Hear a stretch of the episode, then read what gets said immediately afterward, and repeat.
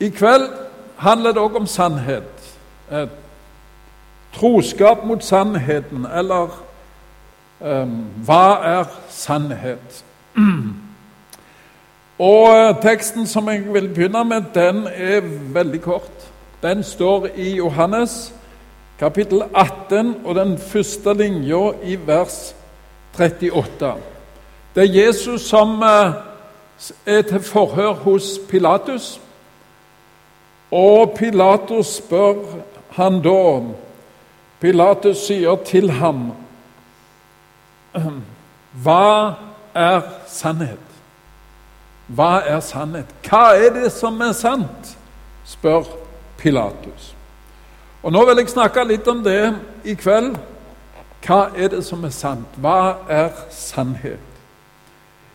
Og Første spørsmålet er om sannheten er en konstant, eller om han er en variabel. Dere som har drevet med matematikk og sånne ting, vet at noe er konstant, og noe er variabelt. Dere har kanskje lagt merke til at jeg er noen år eldre enn de fleste av dere. Jeg begynte på skolen i 1956. I forrige århundre, altså. Og når jeg gikk på skolen, så var det mange ting som eh, eh, vi fikk inntrykk av var helt konstant.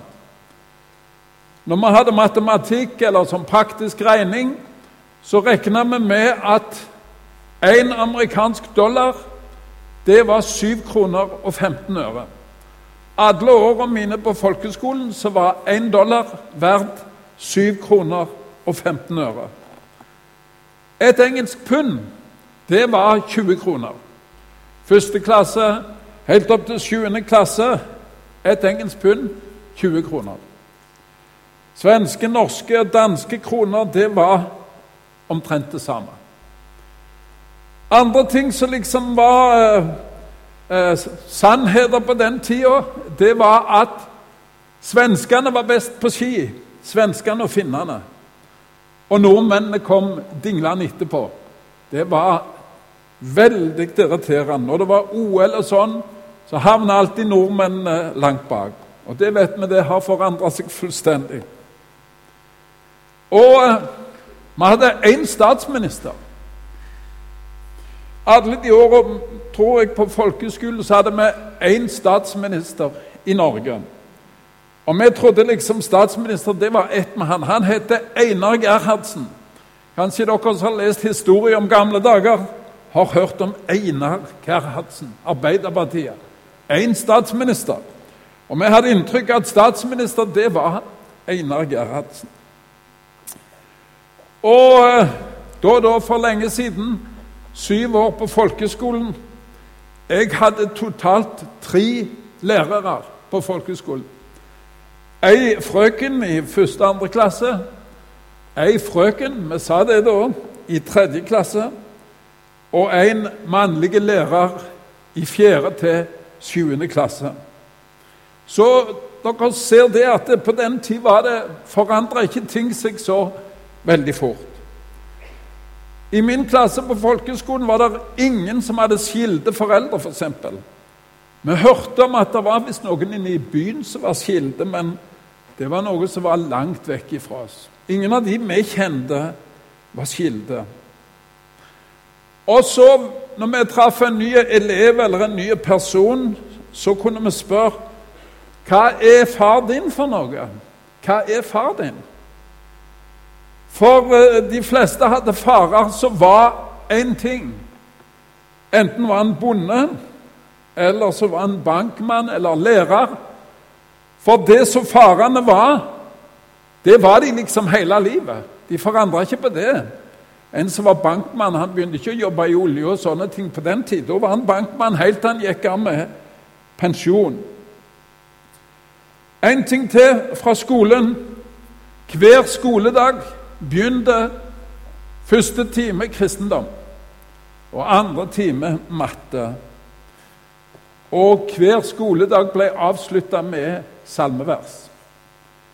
Eller velsignelsen. Og sånn trodde jeg når jeg vokste opp, at dette er konstante sannheter. Sånn er verden. Sånn er samfunnet. Og at det er en Gud oppe i himmelen, det var det ingen som stilte spørsmål med, iallfall ikke av de som jeg kjente. Men så har jeg lært det at sannheten, den er Og disse sannhetene, de er sannelig variable. Nå har de fleste av dere vært ute og reist, og da er det spørsmål hva får jeg for en norsk krone, eller omvendt. En dollar, f.eks. 7,15. Nå kan den variere fra 5 til 9 kroner. Et pund, som pleide å være verdt 20 kroner, er nå verdt under ti, osv. Einar Gerhardsen han er det ingen som husker lenger. Nå er det Stoltenberg som gjelder, osv. Og um, sånn kan en se og tenke på at det som en trodde var konstanter, er blitt variabel. Og Så er spørsmålet hva er det da som er sant? Er det noe som er sant for alle til alle tider? For alle mennesker til alle tider? Han uh, Yngve forklarte og talte om noe som heter postmodernismen. Det er mange som beskriver den tida vi lever i nå, som postmodernismen. Og hva er det som eh, særpreger denne tida? Jo, det er det at eh, enhver må finne sin egen sannhet. Og hvis det er noen som kommer og sier det at det, 'jeg har funnet noe som er helt sant for alle', da kan en veldig fort bli anklaget for intoleranse. For enhver må finne sin egen sannhet. Det som er sant for deg, trenger ikke være sant for meg. Det som er sant i Afrika, trenger ikke være sant i Norge, osv. Postmodernismen, flotte tid. Alle finner sin egen sannhet, og alle finner sin egen Gud. For det òg er noe som eh, vi kan ha forskjellig syn på. Hvordan er Gud, og hvem er Han? Sannheten om Gud er ikke en, en konstant, det er en variabel. Det spørs hvordan vi ser på det. Jeg husker han eh, Ole Paus, dere kjenner han. Han eh, snakket om min Gud. Han er sånn, han. Min Gud han er romslig og han er kjærlig. Han er ikke sånn som disse trangsynte kristne. Nei, min Gud han er, han er helt forskjellig enn det. Flotte greier. Postmodernisme. Alle finner sin egen Gud, og alle gir sin Gud forskjellige kvaliteter som passer til meg. Det særpreger vår tid. Hva er sannhet? Men kan det være sånn at det, den verden vi lever i, er sånn som det? Vitenskapsmenn i det forrige århundret Dere har hørt om Newton og andre som hadde store oppdagelser. Jeg har lest at de var motiverte av å finne ut hvordan Gud hadde gjort det. De var helt overbevist av at det var en Gud. Og så var de så fascinert av skapelsen at de jobba med å finne ut liksom dybden i Gud. Hvordan har Gud gjort dette her? Og det var motiv for uh, mye av vitenskapen i tidligere århundre. Nå sier vitenskapen, og de mener å ha funnet ut at det er ingen Gud. Det fins ingen Gud. Jeg vet ikke om dere har sett han der, en av eh, verdens eh, skarpeste menn. Det er en som sitter i en rullestol borte i England.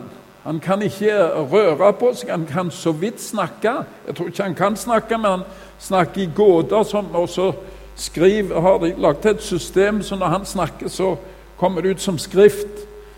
En av verdens skarpeste manns eh, doktor, spesialist i biologi og kjemi og disse eh, vitenskapelige, vitenskapelige fag. Og Stephen Hawkins han sa nylig i, i, i denne verden vi lever i, så i vitenskapen så er det ikke plass for noen Gud. Det er ikke plass for noen Gud. Altså, sannheten er at det er ingen Gud. Sannheten er altså ikke den som står i Bibelen, at det var en Gud som skapte. Så ser en det her i denne verden. Kanskje dere ikke møter det hver dag, men det gjør dere selv om dere ikke er klar over det. Så er det to fundamentalt forskjellige verdensbilder og verdenssyn som står imot en annen. Hva er det som er sant? Hva er sannhet, sa Pilatus. Er det sant, det som står i første Mosebok, at det er en Gud som skapte? At det finnes en Gud som har åpenbart seg for menneskene? En som er giveren av alt liv? En som meg og deg en dag skal møte, stå til ansikt til ansikt med? En som en dag skal gjøre, vi skal gjøre regnskap for vårt liv?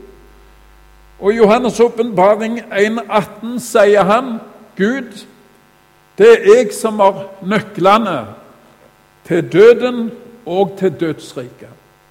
Kan det stemme at det er en sånn en Gud? Og det synet da som står imot, er at det er ingen Gud, som eh, er det som er politisk riktig i den vestlige verden i dag. Dette med Gud, det er oppspinn. Det er svake mennesker som trenger noe å, liksom, å støtte seg til. Det er menneskelag. Nei, verden og uh, livet begynte. Det var en gang ei uresuppe i atmosfæren som plutselig eksploderte. Det ble eksplosjon. Og så starta det en prosess med celledeling. Og um, denne prosessen har vart i milliarder av år. Jeg hører I Statoil så snakker de om 40 milliarder år.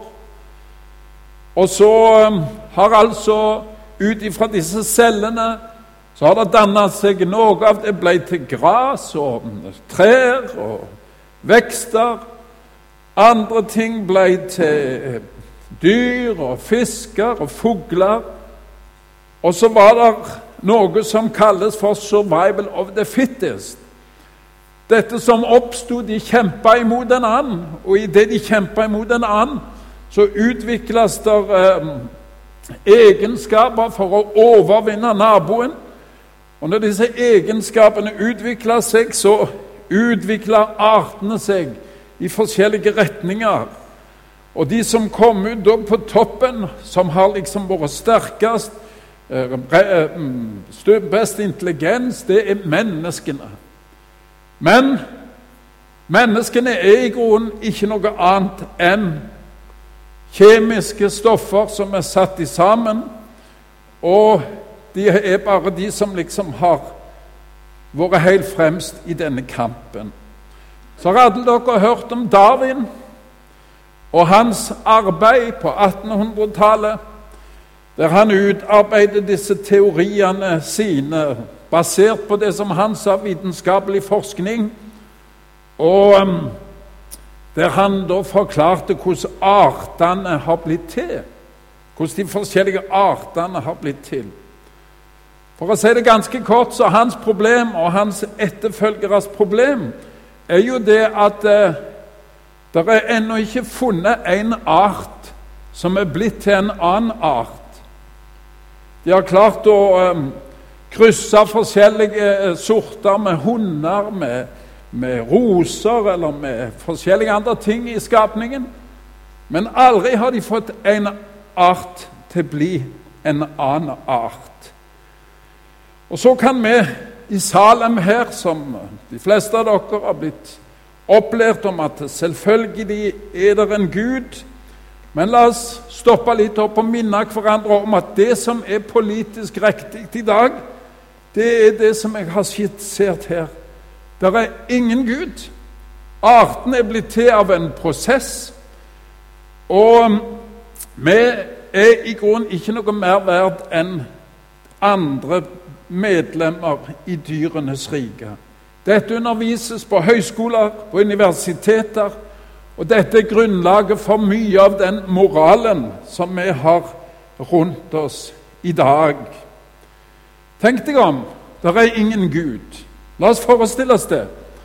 Hva er da du og meg, et menneske? Hva er vi hvis det er ingen Gud? Da er vi altså et velutvikla dyr. Og hvorfor skal da dette dyret, som er menneske, ha forrang for de andre dyra? Og Dette menneskesynet kommer da fram når det gjelder synet på et menneskefoster. Hvorfor skal det beskyttes mer enn et dyrefoster, f.eks.? Og hvis det er ingen Gud, hvorfor er da et menneske så mye mer verd enn et dyr, f.eks.?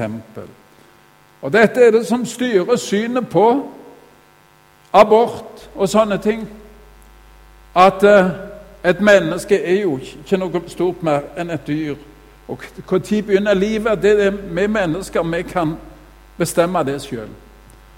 Og Barack Obama, som dere hører om i disse dager, han er den mest liberale når det gjelder dette med abort.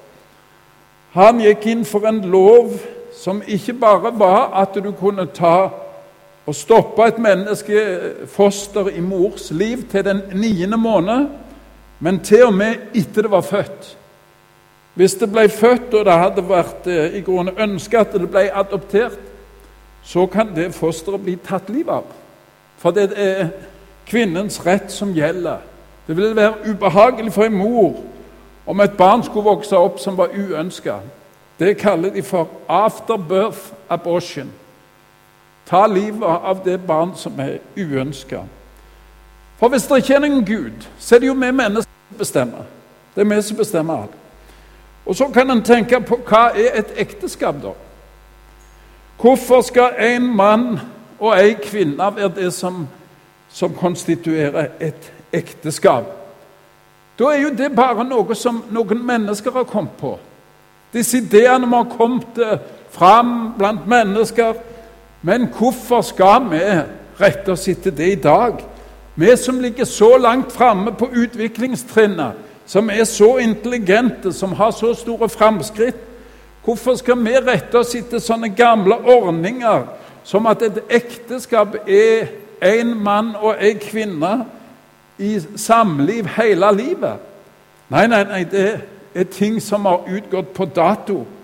Hvis det ikke er noen Gud i Russland, eller Sovjet, så var det revolusjon. Var det i 17 eller 18, 1917 eller 18? Da tok kommunistene over styringen i dette landet. og Kommunistene de hadde det som sin ideologi. Det er ingen Gud. Det er ikke noen Gud. Og Det første de vedtok, det var at nå kunne alle bli skilt bare med å ringe inn til kommunekontoret og si 'Jeg ønsker å skille meg fra kona mi eller mannen min, så var det i orden. Og de ble oppfordra til det, og det skjedde. For når det er vi mennesker som bestemmer, så hvorfor ikke? Hvis det er ingen Gud, hvorfor ikke? Det er jo bare liksom eh, eh, gamle former og gamle regler og kulturer som binder oss. Hvorfor ikke bli satt i frihet? Jeg kan si at det gikk ti år, så var det full kaos. Så måtte de tilbake igjen. Men her ser en at eh, debatten om ekteskap Hvorfor kan ikke to av samme kjønn gifte seg? Det er jo bare noe vi mennesker kommer på uansett. Hvis det ikke er noen Gud, så kan vi gjøre det sånn. Da er det opp til oss. Da er det opp til oss. I England så kjørte de rundt i fjor med noen svære bannere på bussene i London, London-bussene. Og den som hadde betalt for uh, dette, det var ikke Stephen Hawkins, men uh, han Dawkins og hans gruppe, som òg uh, vitenskapsmenn som forkynner at det er ingen Gud. Og på bussene sto det There is probably no God. Just enjoy yourselves. Et eller annet sånt var det. Der er sannsynligvis ingen Gud. Ja, stop worry. Just enjoy yourself. Du trenger ikke bekymre deg for noe, bare kos deg, liksom. For det at eh, hvis det er ingen Gud, så kan alle gjøre akkurat som de vil. Og det synet er det styresmaktene våre praktiserer. Som holder, dette holder de for sannhet. Hva er sannhet? Og her kommer altså Jesus inn, og så sier han det er ikke sånn. Det er ikke sånn. Når han sa det for Pilatus, så sa han det at 'vær den som er av sannheten, hører min røst. Og han sa òg til Pilatus Nei, ikke til Pilatus, men han sa om seg sjøl Johannes 14, vers 6, et hakk lenger fram. Jeg er veien, sannheten og livet, og ingen kommer til Faderen uten ved meg. Om det andre syn som er skissert, Johannes, 18, eh, Johannes 8, 43-44, der sier Jesus Dere har djevelen til far, og dere vil gjøre etter deres fars lyster. Han var en drapsmann fra begynnelsen og står ikke i sannheten, for det er ikke sannhet i ham. Når han taler løgn, taler han av sitt eget, for han er en løgner og løgnens far. Men fordi jeg sier sannheten, tror dere meg ikke. Her kommer Jesus og sier han det at eh, det der menneskesynet der, det er djevelens idé. Det er ikke sånn at det er ingen Gud. Nei, det er en Gud. Og i Johannes eh, kapittel 1, vers 1-5, der beskrives at i begynnelsen, helt i begynnelsen Det var ikke noen eksplosjon i ei ursuppe som begynte livets eksistens her på jord. Nei, i begynnelsen var Ordet. På latin er det brukt ordet 'logos'. Logos, som er det samme, er brukt også for Jesus. Ordet er lik Jesus, er lik logos. I begynnelsen var Ordet, og Ordet var hos Gud, og Ordet var Gud. I begynnelsen var Jesus, og Jesus var hos Gud, og Jesus var Gud. Det er et ord som jeg ikke har sitert og tatt opp, men hvis dere leser i Ordspråkene kapittel 8, vers 22, og ut det kapitlet, så ser dere der et vitnesbyrd av Jesus mange hundre år før han ble menneske. Og der sier Jesus at 'Jeg var der når Gud skapte verden'. Det var jeg som var den kreative i skaperverket.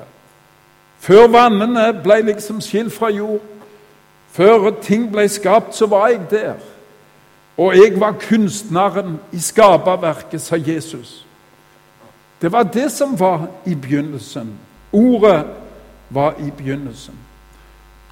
Her kommer altså Jesus inn, og så sier han det som verden styrer sitt i dag, spesielt vestlig verden, om at det er ingen Gud, det er løgn.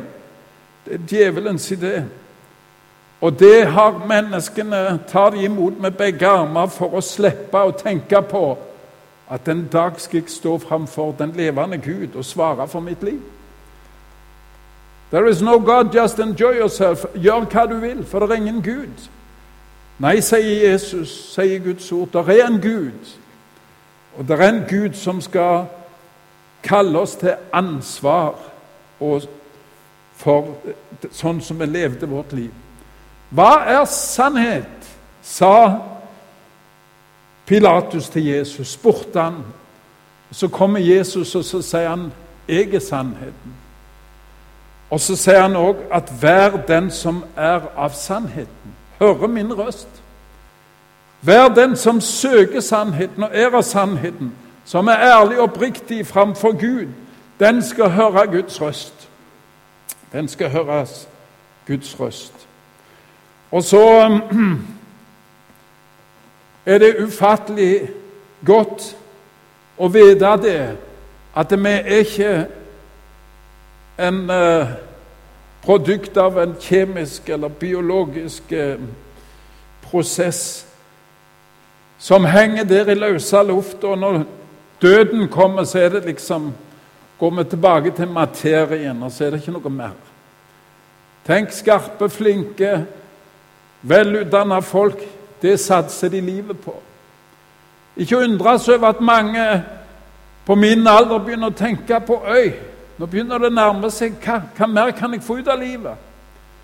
Og så ser vi det at det de rundt 60, mange av de skiller seg og prøver å finne mannfolk finner ei yngre. Vi må jo få mer ut av livet, for det er jo snart slutt, og det er jo ikke noe annet. Og Skilsmissestatistikken for de over 60 går rett til værs. For folk får panikk. Var det ikke mer enn dette her? Vi må jo få noe mer ut av det før det er slutt. Og Så sier Jesus, så sier Ordet, så sier sannheten Jo, det er noe mer. Det er noe mer. At det er Gud sjøl På tross av syndefallet så kom han ned sjøl. For han så det at menneskene hadde rota det så til for seg. Så fullstendig rota det til for seg at Gud sjøl kom ned og ble menneske. Immanuel. Når Gud kalte Abraham i eh, Det gamle testamentet 4000 år siden, så sa han i deg, Abraham, skal alle jordens slekter velsignes. Det kom en i din familie, jødefolket, en, en i jødefolket som skal bringe velsignelse til alle jordens slekter, som skal svar, gi svar på menneskenes største spørsmål hva er sannhet? Hva er sannhet? Og Så sa englene han skal kalles Immanuel, Gud sammen med oss. Og så kom Jesus, Gud sjøl. Og Så kom han, og så ble han døpt og tok på seg vår synd i Jordanelva. Og så står Johannes døyperen der, og så peker han på Jesus, og så sier han Se, der er Guds lam som bærer bort verdens synd. Se, der er Guds lam som bærer bort det som skiller meg fra Gud. Der er Guds lam som bringer oss håp, som bringer oss evig liv. Og Litt senere i Johannes evangeliet kapittel 11, vers 25. Der har Martha Maria mista bror sin, den fortellingen. Og um, de kommer begge og anklager Jesus. Hadde du vært her, Herre, så var ikke dette skjedd. Og så sier Jesus disse fantastiske ord. Han sier det at 'den som tror på meg, skal leve om han enn dør'. Den som tror på meg, skal leve om han enn dør. Så når jeg hører på Hawkins og Dawkins og de andre hva de sier, så må jeg si jeg syns virkelig synd på dem. Tenk å ha blitt kjent med Jesus. Tenk å ha blitt kjent med sannheten. Tenk at Gud personlig har kommet ned, og han kaller meg med navn. Han kjenner mitt navn.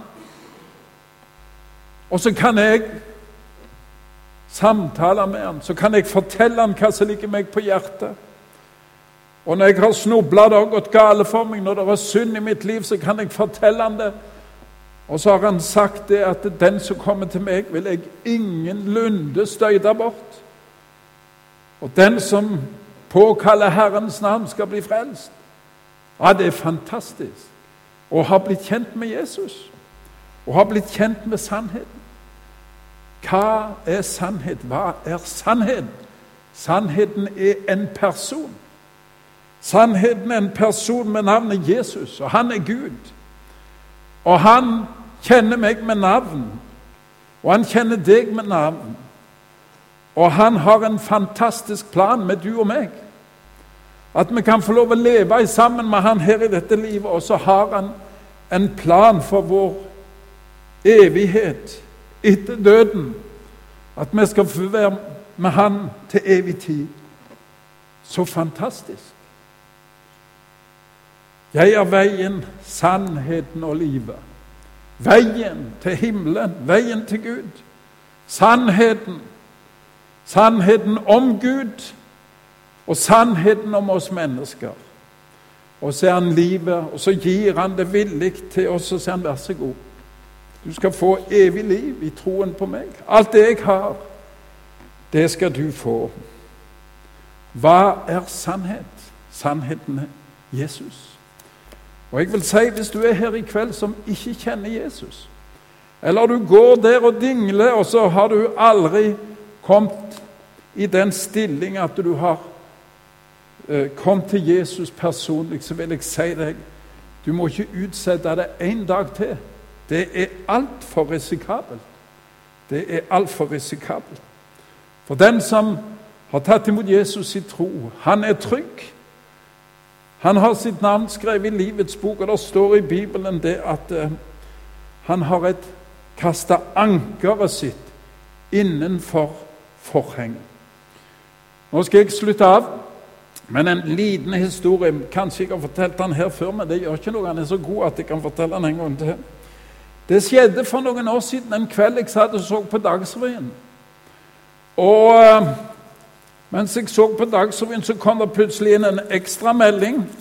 Og det var at Hurtigruta nordover hadde fått motorstopp utenfor Senja.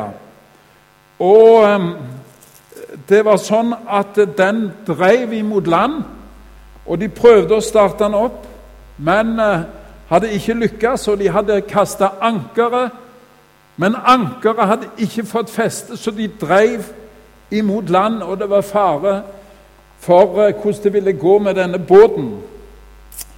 Og um, så skulle de komme tilbake da uh, med meldinger utover kvelden. Jeg husker kanskje ikke så mange fikk det med seg, men vi satt og venta på hvordan går det med Hurtigruta. Plutselig, litt senere på kvelden, så kom det melding at nå hadde ankeret fått feste i bånn. 150 meter før klippene utfor Senja, skarpe klipper som ville knust båten. Der fikk ankeret feste i bånn, og nå var de trygge, selv om eh, det storma aldri så mye, og det var pålandsvind. Men så lenge ankeret ikke hadde feste, så var de i stor fare. Men når ankeret hadde fått feste, så var de helt trygge, selv om det storma aldri så mye. Og Hør hva det står i Bibelen her, i Hebreabrevet, om troen på Jesus. Sannheten. Dette har vi som et anker for sjelen. Et som er trygt og fast og når inn til det som er innenfor, bak forhenget. Der Jesus gikk inn som forløper for oss, han som ble ypperste prest til evig tid etter Melkisedeks vis. Dette har vi som et anker for sjelen. Altså, du og meg som tror på Jesus, vi har kasta ankeret. Og det henger ikke i noe her i verden, men det henger innføre hos Gud i himmelen, så han holder i ankeret. Slik at det samme hva storm du og jeg vil møte, så skal han sørge for at ankeret, det rikker seg ikke. Tenk så fantastisk å høre Jesus til. Og Jeg vil si til alle dere som kan si ja, Jesus er min, som jeg sier gratulerer. Dere er verdens mest privilegerte mennesker. Og hva skal vi gjøre med det? Som han talte om han eh, tåren her tidligere. La oss tenke på de som er utenom, og si til Jesus Kan du bruke meg i denne tjenesten? Vis meg hvordan du kan bruke meg og hanke folk inn slik at de får kjenne sannheten og får håp for dette livet, og ikke minst for det neste liv. Amen.